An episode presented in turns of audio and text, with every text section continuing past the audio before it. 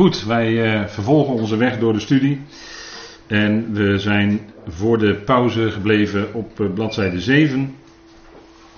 Bij uh, Johannes 1, vers 29. En dan gaan we aan de laatste alinea beginnen van bladzijde 7. Door Paulus en later door Johannes is ons helder gemaakt hoe wij zijn handelen en wandelen als Jahweh kunnen herkennen en verstaan. Ter illustratie volgen hierna enige andere schriftplaatsen. Micha 5 vers 1.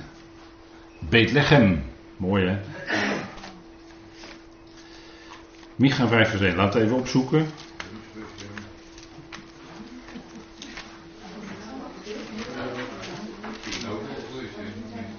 Micha. Als in uw Bijbel na Jona, dan komt Micha.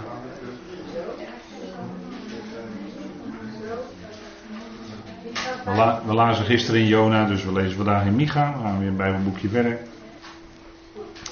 Micha die leefde ongeveer uh, 756 tot 697 voor Christus. En um, er staat in vers 1 tijdens welke koningen hij uh, als profeet optrad. En hij sprak zowel tegen de twee als tegen de tien stammen. U weet dat het rijk verdeeld was in tien stammen en twee stammen. En daarom staat ook in vers 1 dat hij gezien heeft, het woord van de Heer dat hij gezien heeft over Samaria, dat was de hoofdstad van het noordelijke tienstammenrijk. En Jeruzalem, dat was de hoofdstad van het tweestammenrijk. Juda en Benjamin, zoals u weet. Hè?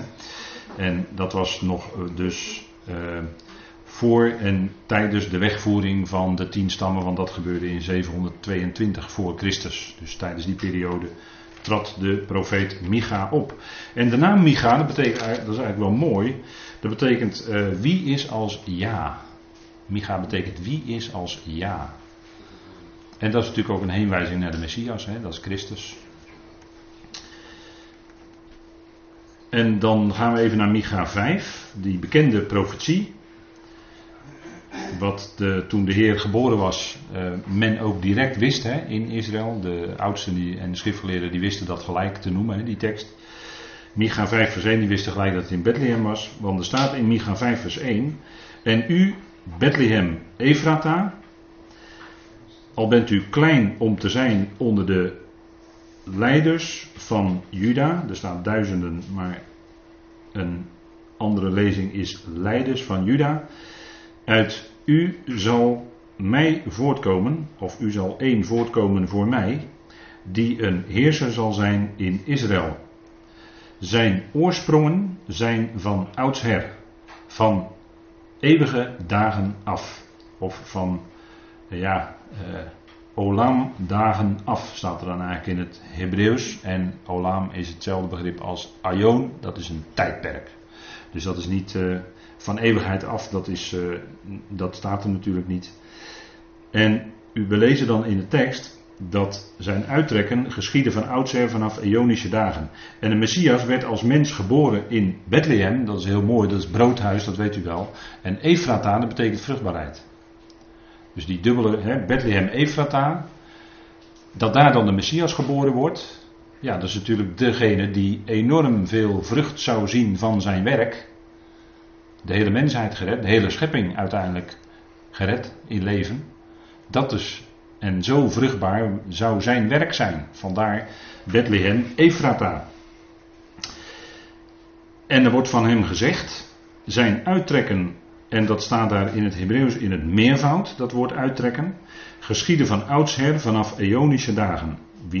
Wiens oorsprong is van ouds van de dagen der eeuwigheid, zegt de NBG-vertaling. Maar goed, dat is veel minder scherp. Jezus' komst te Bethlehem is een feit geworden. Micha deed echter niet alleen deze voorzegging, maar onthulde ook dat de Heer al eerder uitgetrokken is door meermalen aan bijvoorbeeld Adam, Abraham en Mozes te verschijnen. Want hij sprak met het mensenpaar in de hof, hebben we gelezen. In de hof van Weelde. Hè. Het woord Eden betekent eigenlijk Weelde. Het, uh, het, woord wordt altijd overgenomen in het Nederlands. Maar eigenlijk als je het vertaalt is het Weelde. De hof van Weelde. Daar waren zij in. En hij trok uit, dat wil zeggen, hij trok uit uit de hemelen en hij verscheen bij gelegenheid aan mensen. Mensen zoals Adam, mensen zoals Abraham. En hij, daardoor liet hij zien wie God is, wie Yahweh is. En hij sprak tot ze. En dat was bepalend voor hun leven. En dat is wat Micha in feite zegt. Hè? Zijn oorsprongen, zijn voortkomens of zijn uittrekken is van oudsher af, hè, van vorige tijden of van, eh, van een, verleden, van Ionische dagen af. Dus van meet aan is hij uitgetrokken om God bekend te maken naar de schepping toe. Dus dat is een bijzonder woord. Er zit een bijzondere lading in, uh, in die tekst. Hè? Goed, dan gaan we kijken naar Genesis 17. Dat is ook zo'n moment hè, waarop de Heer in de vorm van God verschijnt. En dat is een later moment dan waar uh, Stefanus over spreekt in Handelingen 7.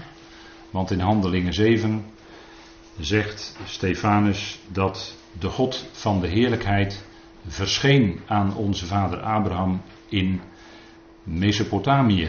Dus toen hij nog in Oer der Galdeën was, waar zij de maan vereerden, Sin, de maangodsdienst, in Oer der Galdeën. Galdeën dat heeft te maken met demonen. Dat was, daar was dus duisternis, maar in die duisternis riep God Abraham. En Abraham geloofde en hij ging. Hij ging uit Oer der Galdeën en hij ging zonder te weten waar hij komen zou. Dat is wat. En in Genesis 17, dan is er al een en ander gepasseerd in zijn leven. En dan laat de Heer zich, stelt de Heer zich aan Abraham voor. We lezen in de tekst, Jaweh stelt zich aan Abraham voor met de woorden, ik ben Eel, daar hebben we dus de Allerhoogste, plaatser de Almachtige. Dus hij onthult zich daar als Al Shaddai. En dat woord Shaddai, dat is heel mooi, dat we zeggen, uh, hij is genoegzaam. En wat betekent dat genoegzaam? Dat betekent dat hij voldoende vermogen heeft, zoals Job het ook beleed, dat hij voldoende vermogen heeft om ook door te zetten wat hij zich heeft voorgenomen. En hij zou dan ook aan Abraham de kracht geven om te kunnen wandelen, want hij roept Abraham in Genesis 17, vers 1 om te wandelen voor zijn aangezicht. En tegelijkertijd zegt hij erbij dat hij als Shaddai is, dus dat hij aan Abraham voldoende kracht zal geven om ook die wandel te kunnen doen. De onderschikker. Ik ben Al Shaddai, de onderschikker die genoegzaam is. En zo zou stap voor stap zou God voor Abraham in zijn leven alles zijn. En kon Abraham op een gegeven moment ook zelfs zijn zoon Isaac op het hout binden. Want de Joden noemen dat altijd de binding van Isaac. Dat is een bekend thema binnen het Jodendom, de binding van Isaac. En uh, ja, dat heeft dan te maken met uh, lijden en dergelijke. En Abraham, die ging zover dat hij geloofde inderdaad in die God die de doden levend maakt. En kon daarom zijn zoon op het hout binden. En het mes zelfs heffen. In dat geloof. Ah, dat is onvoorstelbaar, hè? Dat gaat heel ver hoor. In Exodus 6, vers 1 en 2, we lezen even verder, stelt Jahweh zich aan Mozes nog duidelijker bewoordingen voor. Ik ben Jahweh en ik verscheen aan Abraham en aan Isaac en aan Jacob in Eel de Almachtige. Dat zegt hij tegen Mozes, hè? Dus hij spreekt ook daar tegen die leider van het volk. En daarom kon later de schrijver van de Hebreeënbrief vaststellen dat Mozes standvastig bleef als ziende de onzienlijke. Mozes was ook een gelovig mens. En daar getuigt de Hebreeënbrief van. En hij bleef standvastig als ziende de onzienlijke. Dus hij hield voor ogen diegene die hem leidde en die zijn woorden in zijn leven gesproken had. En hij had daadwerkelijk ook dingen gezien, hè, Mozes. Dan, uh, volgende punt is Genesis 18. Dat is ook wel weer een bijzondere geschiedenis. Laten we het even opslaan met elkaar. Genesis. Het boek van de alle begin. Hè? Berashit.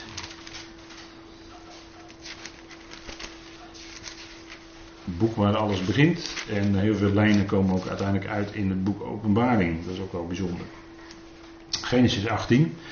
En we lezen daar, als we het even opslaan met elkaar, in Genesis 18, vers 1. Daarna verscheen Yahweh aan hem bij de eiken van Mamre toen hij in de ingang van de tent zat en de dag heet werd. En dat kunnen wij ons deze dagen wel voorstellen, dat de dag heet wordt. Jawel, ja, dat is eh, nu wel voor ons aansprekend. Hè?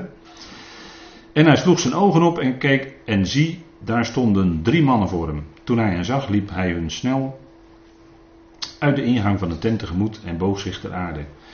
En hij zei: Mijn Heer, als ik nu genade gevonden heb in uw ogen, ga dan uw dienaar toch niet voorbij.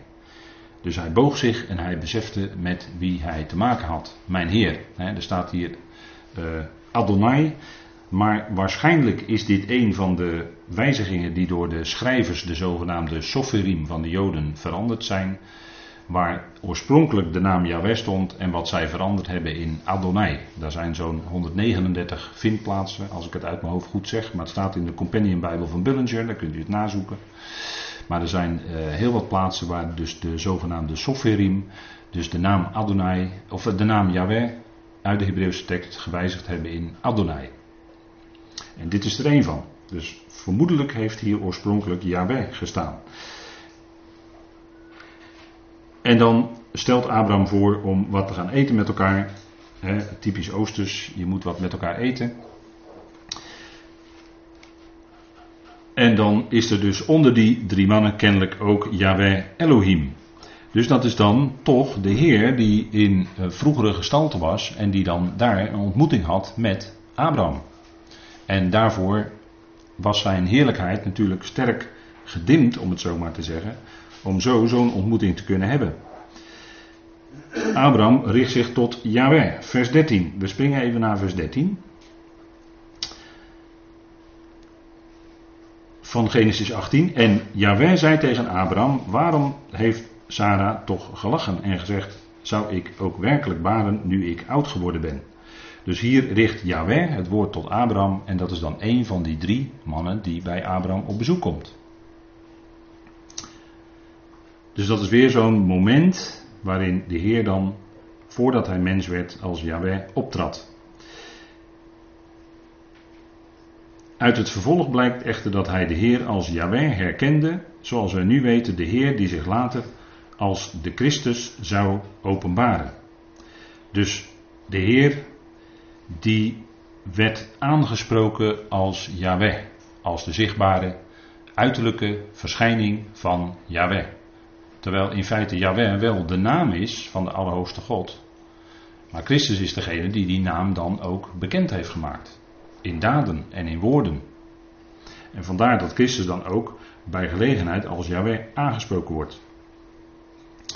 Uit het vervolg blijkt dat. En in Genesis 18 is zo'n moment. En dan hebben we ook zo'n moment in Genesis 32.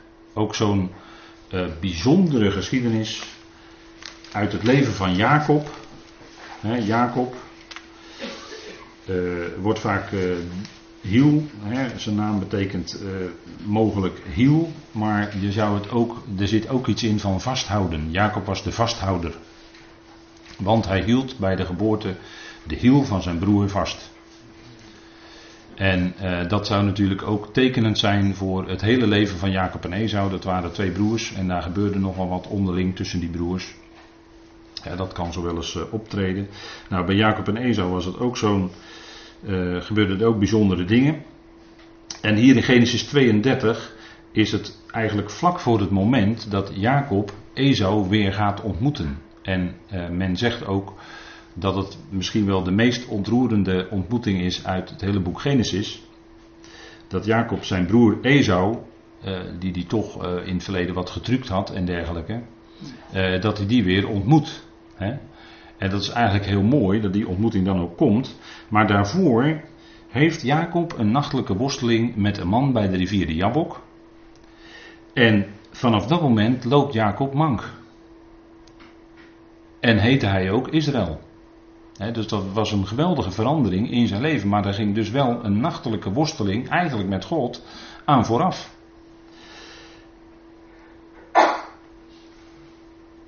We lezen even wat onze werktekst erover zegt. Een man vecht met Jacob. Jacob wordt Israël. En dat kun je vertalen Israël kun je vertalen met oprecht met God. Of ook kun je het vertalen met vorst met God. Of degene die met God regeert. Daar zijn diverse afleidingen mogelijk. Als Jacob de man naar zijn naam vraagt, luidt de wedervraag slechts waarom. En Jacob noemt de plek daarna Pniel. Dat wil zeggen voor het aangezicht van Eel. Hè. Pni, dat heeft te maken met panim, met aangezicht. Uh, eigenlijk, en panim is het meervoud. Met het aangezicht, daar heeft Jacob het aangezicht van God gezien. En dat kan niet anders dan dat hij de Heer daar dan heeft ontmoet. Hè? En dat is wat in Genesis 32 dan staat in vers 30. Jacob gaf die plaats de naam Pniel. Want, zei hij, ik heb God gezien, ik heb Elohim gezien, van aangezicht tot aangezicht. Hè, daar staat het panim, panim.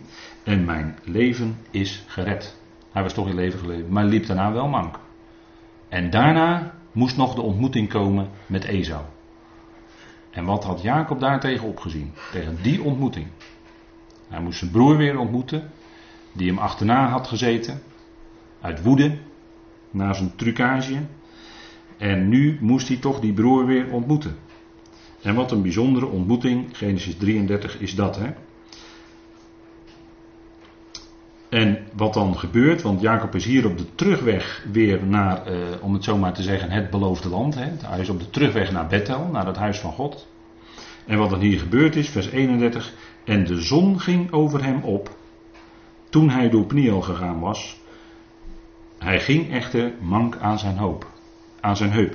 Dus het verdere licht, de zon ging op, het verdere licht was in zijn leven weer doorgebroken. Want toen Jacob wegvluchtte, staat daar, moet u maar eens nazoeken in Genesis, in, eerdere, in een eerder hoofdstuk, staat daar dat de zon onderging. En hier staat dat de zon opging. Dat staat natuurlijk niet zomaar in zo'n tekst. Hier ging dus weer, hier brak als het ware het licht, het volle licht weer door in het leven van Jacob. En toen kon hij toch zijn broer Esau ontmoeten. En wat een ontmoeting werd dat. Dat is verzoening. Dat is een hele ontroerende ontmoeting. Moet je je voorstellen, twee broers die uit elkaar waren gedreven en zoveel jaar elkaar niet hadden gezien. En dan elkaar weer ontmoeten in verzoening. Ja, dat is fantastisch. En dat moet ons natuurlijk aanspreken. We kennen de boodschap van verzoening. En dat, eh, dat, dat, dat eh, kan ook, eh, ja, dat, dat zou dan ook doorwerken in de, de onderlinge, onderlinge relaties tussen broeders. dat, dat zie ik dan zo als, als voorbeeld uit deze geschiedenis van Genesis 33. Gewoon als praktische uitwerking. verzoening tussen broeders moet altijd mogelijk zijn.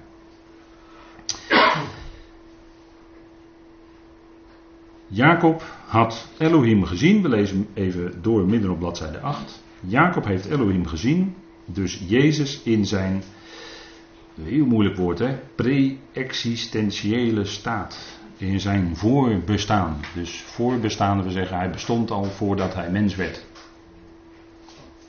Pre-existentie, ja dat is een eh, wat moeilijk woord, maar zijn voorbestaan.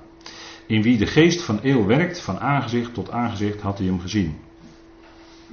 En zo worden nog meer voorbeelden genoemd. Hè?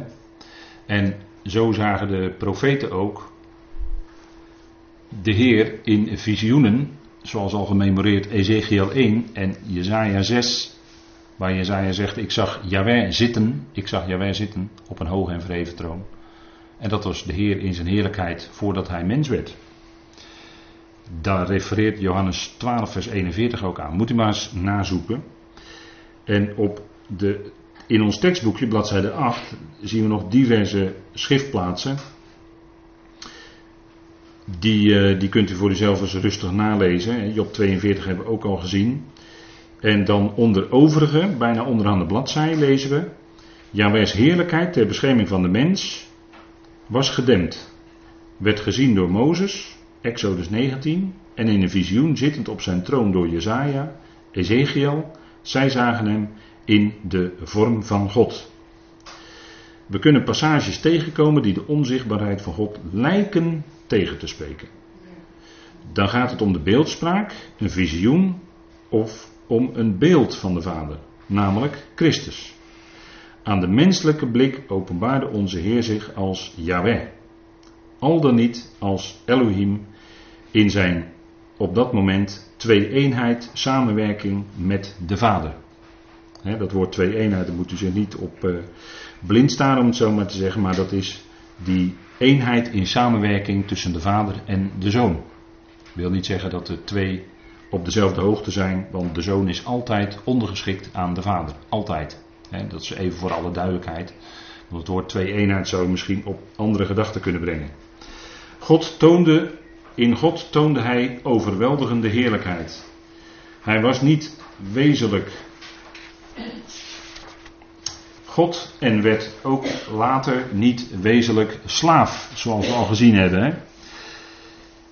Dus de Heer was natuurlijk zelf nooit zelf de Allerhoogste God, maar hij is uit God voortgekomen, hebben we al gezien in de studie. Hij was ook niet wezenlijk slaaf, maar hij kwam in de vorm van slaaf. dus hij diende als was hij een slaaf, maar hij was niet echt slaaf. Hij nam die desbetreffende vorm aan.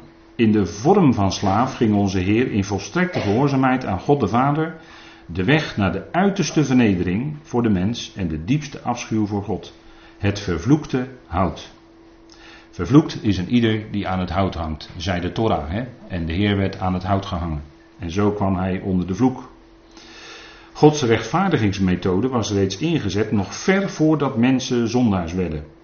God voorzag in de wijze waarop en de middelen waarmee het heil gerealiseerd zou worden, nog ver voordat de mens naar een redder uit zou zien. Dat is de prelude op zijn rol als middelaar. Dus in die fase voorzag de Heer al zelf in de middelen, zodat hij later zelf dat werk kon gaan doen ten behoeve van de mensheid, als vervangend losgeld. En hij kon dan uh, zijn, hè, zijn rol als middelaar, hè, dat is in het woord rol eh, is, vind ik soms een beetje vervelend, maar hij was natuurlijk echt middelaar. Hij is middelaar tussen God en mensen. Hij is dat echt. en dat is, uh, dat, die, die functie heeft hij vervuld en die functie vervult hij in feite nog steeds. He. De verbindende schakel, om het zo maar te zeggen, tussen God en mensen. Dat is wat het jaarthema ook zegt. God er is één God en ook één middelaar tussen God en mensen. Dus het gaat om God en mensen, die verbinding. En die verbinding, dat is onze Heer. En hij is nu nog steeds mens. Hij is mens geworden, gelijkheid van de mensen. En hij is nu nog steeds aan de rechterhand van Vader, mens. Dus dat is wel een enorme verandering. En ook een enorme verhoging naar zijn enorme diepte aan lijden die hij door heeft gemaakt als mens. Dus er is Eén middelaar. Goed, we gaan naar bladzijde 10. Eén middelaar. En dat is de Heer. Na wat tot hiertoe de revue gepasseerd heeft, zal ons pijnlijk helder zijn hoe schromelijk wij de grootheid en de betekenis plegen te onderschatten van onze Heer Jezus Christus. Dat is denk ik raak gezegd hoor. Wij als mensen hebben de neiging om de dingen te verkleinen. En dat is ook als we nadenken over God. Want heel snel in ons gesprek willen we graag nadenken over hoe God is en wie God is. Maar dan heel snel verlagen we God toch tot ons menselijk niveau. En stellen we vragen over God in de zin van, ja, waarom, waarom of waartoe doet God dit of dat? Met de ondertoon van, had hij het niet beter anders kunnen doen? Maar op dat moment verlagen wij God naar ons niveau. We moeten wel even ons bewust zijn en dat kun je eigenlijk niet doen. Want wij zijn mensen en God is God. En God is veel en veel en veel groter dan dat wij zijn. In verhouding zijn we maar hele kleine mensjes. Met heel beperkte, hele kleine hersentjes die een klein beetje kunnen nadenken. Maar dat staat in geen verhouding tot God. Dus de ultieme, God heeft de ultieme wijsheid. En we zingen dat dan ook wel in een lied. Hè? Het is wijsheid wat u doet. Maar om dat in je leven als gelovige ook dan echt te gaan erkennen, dat is, daar ga je door een proces heen. En dat proces duurt heel veel jaren voordat, voordat dat afgerond is, voordat je als mens uh, verder gekomen bent. Dat was ook in het leven van Job zo. Dat is wat, dat we, wat we ons uh, beseffen. Uh, dat is ook wat Paulus zegt in Romeinen 9. Hè? In Romeinen 9 als het gaat om de uitverkiezing, dat is natuurlijk zo moeilijk, de uitverkiezing. Waarom kiest God de een uit en de ander niet. En dan uh, werpt Paulus even de vraag op: zou er dan onrechtvaardigheid zijn bij God? En dan antwoordt hij met: Wie ben jij nou, een mens? Wie ben jij? Bepaal jij dat dan? Wie ben jij? Dat je God op die manier naar jouw niveau trekt. Nee, God is God. En die is veel wijzer en die kijkt veel verder dan dat wij dat doen. En wij zijn maar hele beperkte mensjes. En natuurlijk, we mogen weten inderdaad, God is liefde. En toch zijn we bij tijd en gelegenheid verbijsterd over wat er gebeurt. Terwijl we heel goed weten dat God liefde is. En hebben we toch onze vragen. Ik zeg niet dat het verkeerd is dat we vragen hebben, alleen we moeten onszelf wel in het juiste perspectief zetten ten opzichte van God. En dan uh, denk ik dat we hier en daar met onze vragen wat bescheidener kunnen zijn. Paulus schreef, het is zoals Paulus schreef, we vervolgen onze werktekst, zich voorgevende wijs te zijn, zijn zij dwaas geworden. En veranderen zij de heerlijkheid van de onverderfelijke God in gelijkenis naar het beeld van een bederfelijk mens en wat vliegt en van viervoeters en van reptielen. En de Egyptenaren deden dat. die hadden de apis. Weet u wel, het gouden kalf? Dat was de apis. Die kenden ze uit Egypte. En die maakten ze gelijk. De, Mozes bleef wat te lang weg. Mensen ongeduldig natuurlijk. En er werd allemaal goud ingezameld. Apis, stiergod, zelf God maken. En ze daarvoor neerbuigen. Zo ging dat. Maar hadden ze gezien in Egypte. En dan had je ook bijvoorbeeld de scarabee. Hè, dat is de mestkever. Dat is ook zo'n bekende afgod die in Egypte, in het oude Egypte vereerd werd. Dat, is, uh, dat is precies wat Paulus hier zegt. Hè. Zij veranderden de heerlijkheid van de onverderfelijke God. En ze maken daar zelf van een beeld van een bederfelijk mens. Dat is onze tijd, hè? de mens centraal. Hè? Het humanisme. Dat is uh, de dictatuur van de humaniteit. De mens centraal in onze samenleving. En de mens is de maatstaf van alle dingen geworden. Dat is wat gewoon aan de hand is. En daarmee, uh, hè, men schrijft God weg uit zijn eigen schepping. God is niet de schepper. Nee, alles is. Uh, ja, uh, hoe zegt, hoe zegt die, die spreuk dat? Eerst was er niets en het ontplofte ook nog. Dat hè. Of ehm, iemand anders, een bijbelleraar, heeft het wel eens zo vergeleken. Die vond ik ook wel aardig. Er is een grote mesthoop en er werd, er werd een flinke staaf dynamiet ingegooid. En eruit kwam een prachtig Zwitsers polshorloge. Zo, hè. Vond ik ook wel aardige vergelijking. Maar de mens die matigt zich eh, de plaats van God aan, hè, want de mens wil dan zichzelf in de plaats stellen van God. En daar zal het ook allemaal op uitdraaien. Als de wetteloze op de troon gaat zitten in de nabije toekomst, dan uh, zal hij zich in de tempel van God zetten en dan zal hij zich aanbidden als was hij God. Dus dan heb je de mens die is God geworden. Nou, daar zijn we naartoe op weg. Dus uh, Paulus is hier uh, natuurlijk vlijmscherp in Romeinen 1. Want dat is wat de mens doet. Hè? Die gaat zichzelf een beeld maken, een afbeelding van God. En gaat zichzelf vervolgens daarvoor neerbuigen. Dat hebben we de eerste dag ook gezien, Psalm 115. Jezaja 44. Er wordt wat vermakelijk over die afgoden gesproken. En uh, dat is wat de mensen doen. Ze veranderden die heerlijkheid en ze erkennen God dus niet als God. Als plaatser. Ze erkennen God niet als plaatser. En dat is ook het proces wat we leren in ons leven, is dat we die plaats innemen die God ons wijst. En de plaats waar wij nu zijn in ons leven, dat is die plaats die God ons op dit moment wijst. Als het een andere plaats zou moeten zijn, dan zaten we hier niet. Of was het een andere plek, of dan was u bezig op een andere weg, of wat dan ook. Maar dat is wat God doet, hè? Dat is, hij is plaatser en dat dat, eh, dat is bij ons een heel, heel leerproces, om het zo maar te zeggen. Hè, waar we vele, vele jaren over doen om dat echt helemaal te aanvaarden, te accepteren. Maar God is liefde en hij heeft heel veel geduld met ons. En gaat stapje voor stapje zijn weg. En ja. We zingen uit volle borst: Welk een vriend is onze Jezus? En geven daarmee blijk niet te beseffen dat hij vele, vele malen meer is dan slechts een vriend. Ik denk dat het wel goed is om er eens even zo over na te denken. Wanneer wij de christelijke liederen en opvattingen door de bril van de schrift zouden bekijken, zou een zeer hoog percentage als fout afgedankt moeten worden. En uh, nu is niet de plaats om wat dieper in te gaan op lied, liedteksten die we zingen.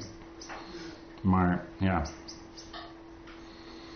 Nee, laat ik dat maar niet doen. En in het licht van de Hebreeuwse en Griekse schrift treedt de heerlijkheid van God de Vader en van onze Heer Jezus Christus oogverblindend naar voren. Het kost soms een heel mensenleven van studie en gebed om daarvan iets te kunnen bevatten. Let op het woordje iets, hè. Want uh, ja, we, kunnen al wat, we mogen al wat weten uit de schrift. Maar vaak besef je toch van, wat weten we nu eigenlijk? Het is eigenlijk nog maar zo'n zo klein beetje van die heerlijkheid. En wat zullen we verbaasd opkijken als we straks deel hebben aan die heerlijkheid. En als we in heerlijkheid geplaatst zijn, wat zullen we dan opkijken? Want wat zullen we dan zien hoe groot die heerlijkheid is? Dat hadden wij nooit kunnen dromen, vermoeden of wat dan ook. He, zo groot. En daar zijn we naar op weg. Want we kijken momenteel door een spiegel in raadselen, dan echter van aangezicht tot aangezicht. Momenteel ken ik vanuit een deel, dan echter zal ik herkennen zoals ik ook herkend word. Thans echter resteert geloof, verwachting en liefde, deze drie. Maar de grootste van deze is de liefde. dat schreef Paulus in een tijd waarin nog niet alles was bekendgemaakt, maar later door middel van het schrijven van zijn volkomenheidsbrieven is het voor de gelovigen wel mogelijk om God door de schrift te leren kennen van aangezicht tot aangezicht. En kijken we niet langer in raadselen, maar kunnen we dat volledige plan van God zien, kennen, erkennen en kunnen we God dieper leren kennen. Dat is eh, heel bijzonder. En uiteindelijk zal straks, als de bazuin klinkt, zal geloof en verwachting overgaan in aanschouwen. En is onze verwachting vervuld, en wat dan zal blijven is natuurlijk de liefde. Dat is dan de volgende stap. En een middelaar, dat uh, is voor ons even goed om dat even uh, scherp te stellen.